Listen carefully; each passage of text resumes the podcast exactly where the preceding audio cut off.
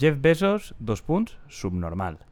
Bé, jo crec que podem tancar el programa, sí, o sigui, anem, anem a fer-ho així, a partir d'ara anem a dir una frase molt categòrica i ja no es pot afegir res més, per tant, tanquem així i cap a casa. Jo crec que no val la pena afegir, bueno, el, el disclaimer és que eh, este, este tipus de cosa l'estem enregistrant en la setmana que Jeff Bezos ha decidit viatjar a l'espai en una, com li dius tu? Un pene volador. Vale, jo que era dit una, una expressió una miqueta més culta, però mos rendim a lo popular. Però tu eres més senyor que jo. I eh, així està el contrast, així està el contrast, Kiko. Per, a, per això fa falta. I que és un tema que podríem dir que és d'una setmana concreta, però realment no és d'una setmana concreta, perquè bueno, du- dubte que vagin molts milionaris a l'espai i se'n baixen de la seva nau barra pene volador en un sombrero de cowboy. Jo és que crec que hem, hem inaugurat una nova etapa de subnormalitat en termes de multimilionaris que necessiten d'alguna manera demostrar que són molt rics i comencen a fer aquestes subnormalaes que els acaben convertint en villanos tradicionals de pel·lícula de Disney que, eh, o sigui, que porta un puto sombrero de vaquero, jo que sé. És calvo. Què més podem afegir al respecte? Jo crec que és més eh, un roïn de, de torrente, quasi més que de... Més barroero. Sí, més, sí. més, més cutre. O sigui, és una estrella del cine espanyol de sèrie B o C, no? dels 80, a la que han reconvertit i Santiago Segura li ha donat un paper perquè probablement tingui algun negoci a mitges. O sigui que... Jo és que, eh, que crec que, bueno, suposa que tot el món s'ha enterat ja de eh, que el senyor en concret eh, agraïa a treballadors i usuaris de la seva plataforma eh, la seva contribució que ells havien fet possible que ell, eh, pues un dia qualsevol, mentre tu te'n vas a la faena o l'altre ell se'n anava a l'espai perquè no tenia res millor que fer, perquè és el que fan els multimilionaris. I és, és divertit, jo crec, perquè, com comentaven antes d'entrar, eh, probablement Amazon és el, el, el malo malíssim de dir, acumula tantes faltes que ja és com el, el, la porta esta del senyor Barnes, igual, igual fes referències del Simpson en 2021 ja és una miqueta viejuna, però bueno, la mitjana d'edat serà la que serà. per tant, Li dit ja a l'audiència que tens 31 anys, eh, no encara, però ni bueno. uno menos. Jo no, no pararé de fer referències en la manera de parlar a la meva edat de, de vieja, ja? Però bueno, que e- entre que tiren productes eh, per usar a la basura perquè no baixin els preus, que obliguen a, als, als treballadors a pixar en, en pots perquè no arriben, o sigui, no, si no, no, no complixen els horaris i tenen fins i tot comptadors en alguns llocs per a veure el que tarden en fer les tasques, o sigui, com comptadors eh, a- al revés. Com es diu comptadors al revés? Cronòmetres no, lo, re- com es diu quan va cap al... re- Mira que... Compte enrere, no? Vull dir, tenim una, una quantitat de greuges acumulats contra Amazon que, que sembla que no sabem per on començar, però tampoc pareix que això tinga ningun efecte al respecte de res. Vull dir, no tenen ningun problema no pagant impostos en gran part del món, els posen multes contínuament, no pareix que sigui algo massa important.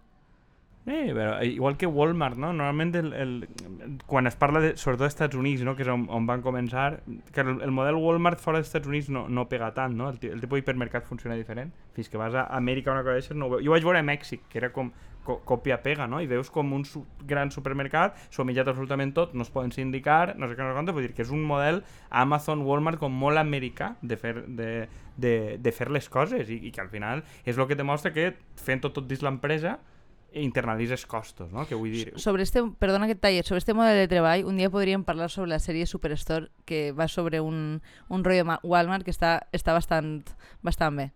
Eh, pues és el mateix, eh? Walmart al final ja té tot propi, no? Vull dir, no, no dona res a guanyar a altres i tot és, és com una estructura eh, immensa, com ja si fos un estat dins l'estat, que eh, pensem que als Estats Units eh, Walmart, per exemple, té els propis segurs mèdics per als treballadors, eh, tot, o sigui, com tota una sèrie d'estructures paral·leles fetes. I Amazon aquí, de fet, ja està fent el mateix, ja té els seus propis furgones, no dona res a guanyar a altres, etc. Vull dir que a volta va fent-se el, el, el trasto més i més gran. I el tema, la és un qüestió poc del Mercadona d'altres lares o... Sí, però perquè eh, diguem que té un model una miquigua més depurat que el de Mercadona. Bueno, al, al final és una miqueta menys cunyao que el de Mercadona, probablement. Sí, a veure, eh, això do- dona per un altre programa, perquè total, com Mer eh, Mercadona, sí, a diferència d'altres... Ah, bueno, no, perdona, Mercadona no posa publicitat a cap lloc. Perdó, però és de veres. com Mercadona segur que no, guió, no posa publicitat així, poden dir que el, el model de Mercadona bàsicament es basa més en els immobles i arruïnar a tots els del voltant i ja està. Vull dir, Amazon, la bona qüestió és que guanya pasta i guanya molta pasta i és una companyia mundial. Vull dir, Mercadona bueno, s'ha expandit fins a un punt, però fins i tot Amazon vol competir amb Mercadona portant la compra a casa. Sí.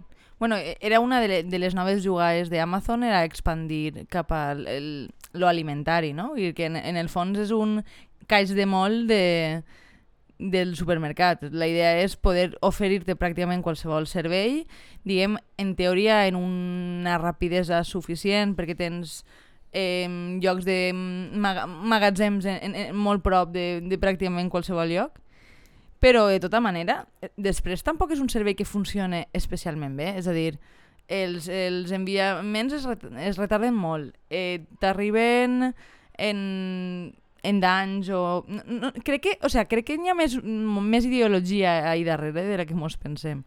I jo crec que juga una miqueta, la- excepte si són reis o grans campanyes, no? el tema de la, la previsibilitat de... Ah, t'aplegarà l'endemà, no? Segons quin tipus de cosa i tu no t'has de desplaçar i, i tal i qual, i juguen en això i, i una certa ficció de poder, de que tu pots aconseguir qualsevol cosa. Després resulta que els magasins no estan tan prop, crec que ells en tenen... A, bueno, ara estan expandint-se, no? Però tenien a Madrid... Pensava que en Pedreguer en havia, en pensaven obrir-ne uno.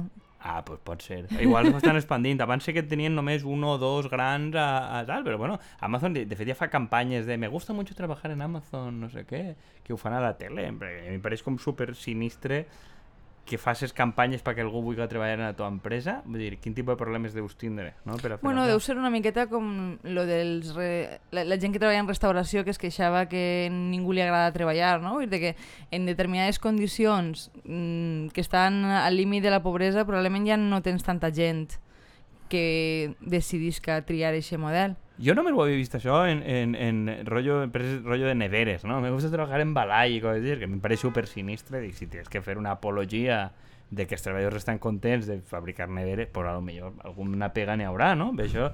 Algun cadàver Algun- en l'armari tens. Home, no, perquè- bueno, en, o en el congelador, concretament. Jo a mi no se m'ocorreria anunciar algo a través d'històries de treballadors si no és que tingués alguna vergonya que cobrir. I Amazon ja ho fa, és a dir, no, te, gràcies a Amazon conseguí una carnera. I dic, xica, Bueno, però eh, és, és aquesta nova tendència també de, de vendre't que el treball és una espècie de diversió o lloc de confort. En, en, en tot el tema de, de les plataformes digitals i el Deliveroo i companyia, també eh, recorde a... No, no sé si era de Uber, el, el amo de Uber que dia... No, no de Uber no era, era- era un altre.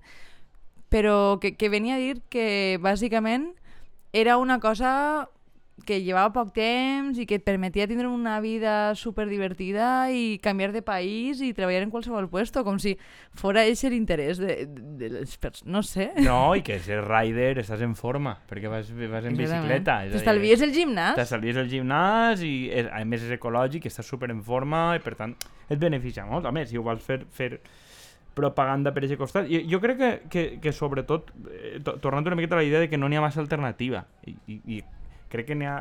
La, la típica campanya que fan, no? Els llibres es compren les llibreries, no compres en Amazon, no sé què, no? O sea, pues igual n'hi ha que assumir que la gent ha canviat d'hàbits i la pregunta és per què no n'hi ha alternatives això. Sí, a veure, jo crec que ens veiem en el, en el debat de sempre, no? Tenim claríssim que eh, Am- Amazon és una malvada companyia que mos xuplarà la sang a tots només puga. Però a, al final em dóna la sensació que tornem al debat de no som bons cristians per elegir altres coses que no sempre eh, t'ofereixen ningú tipus de garanties. Jo penso, per exemple, en, la- en la plataforma esta que, que va eixir de llibres.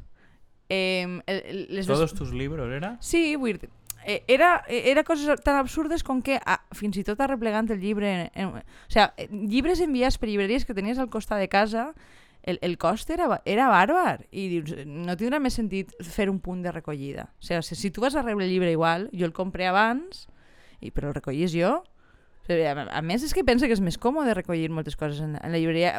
Crec que el, el tema de fer eh, alternatives a Amazon, que únicament són alternatives similars però més lentes i més cares, simplement perquè tu has de confiar que tenen millor fe que els altres, crec que és un model fallit.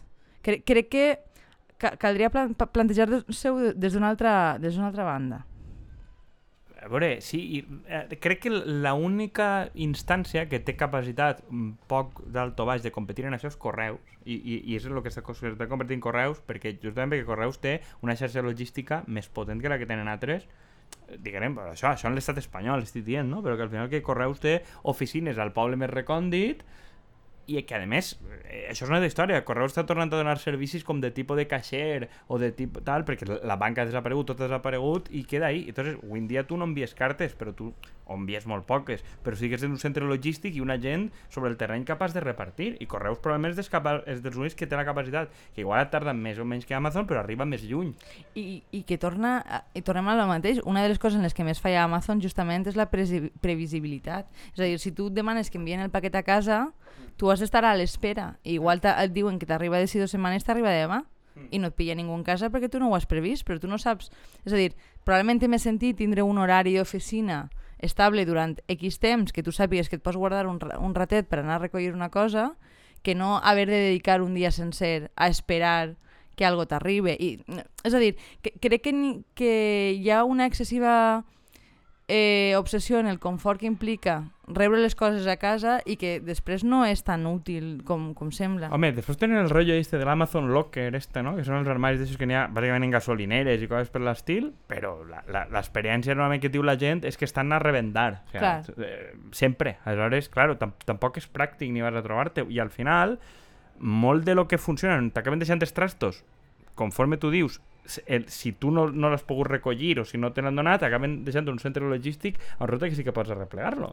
Que probablement de bo siga així, però és el que passa un poquet a l'oficina de correus. És a dir, l'oficina de correus, tu n'hi ha coses que te'ls envien de bo allí i probablement no, no, o sea, no tens l'opció de rebre-ho allí perquè justament correus pues, ja té caixes i té taquilles i té una sèrie d'estructura per a fer-ho la qüestió... I de fet, això jo crec que s'ha arribat a plantejar en, com en zones rurals i tal, que on, on Rollo, jo això crec que ho he sentit, però existe i coses per l'estil de supermercats rurals o tal que no tenen seu física sinó que van a repartir o un dia a la setmana o tal, que segur que tota la vida, els pobles menuts el No deixa de ser el que fa el pescater o el que fa el, el, panader. O sigui, sea, si tu tens un forn mòbil, tu saps que el dimarts o el dimecres repartixes no sé com puesto i la gent es guarda d'aquest moment per a, per a rebre. Probablement era un sistema que funcionava millor que moltes de les coses que en teoria tecnològicament s'han millorat ara.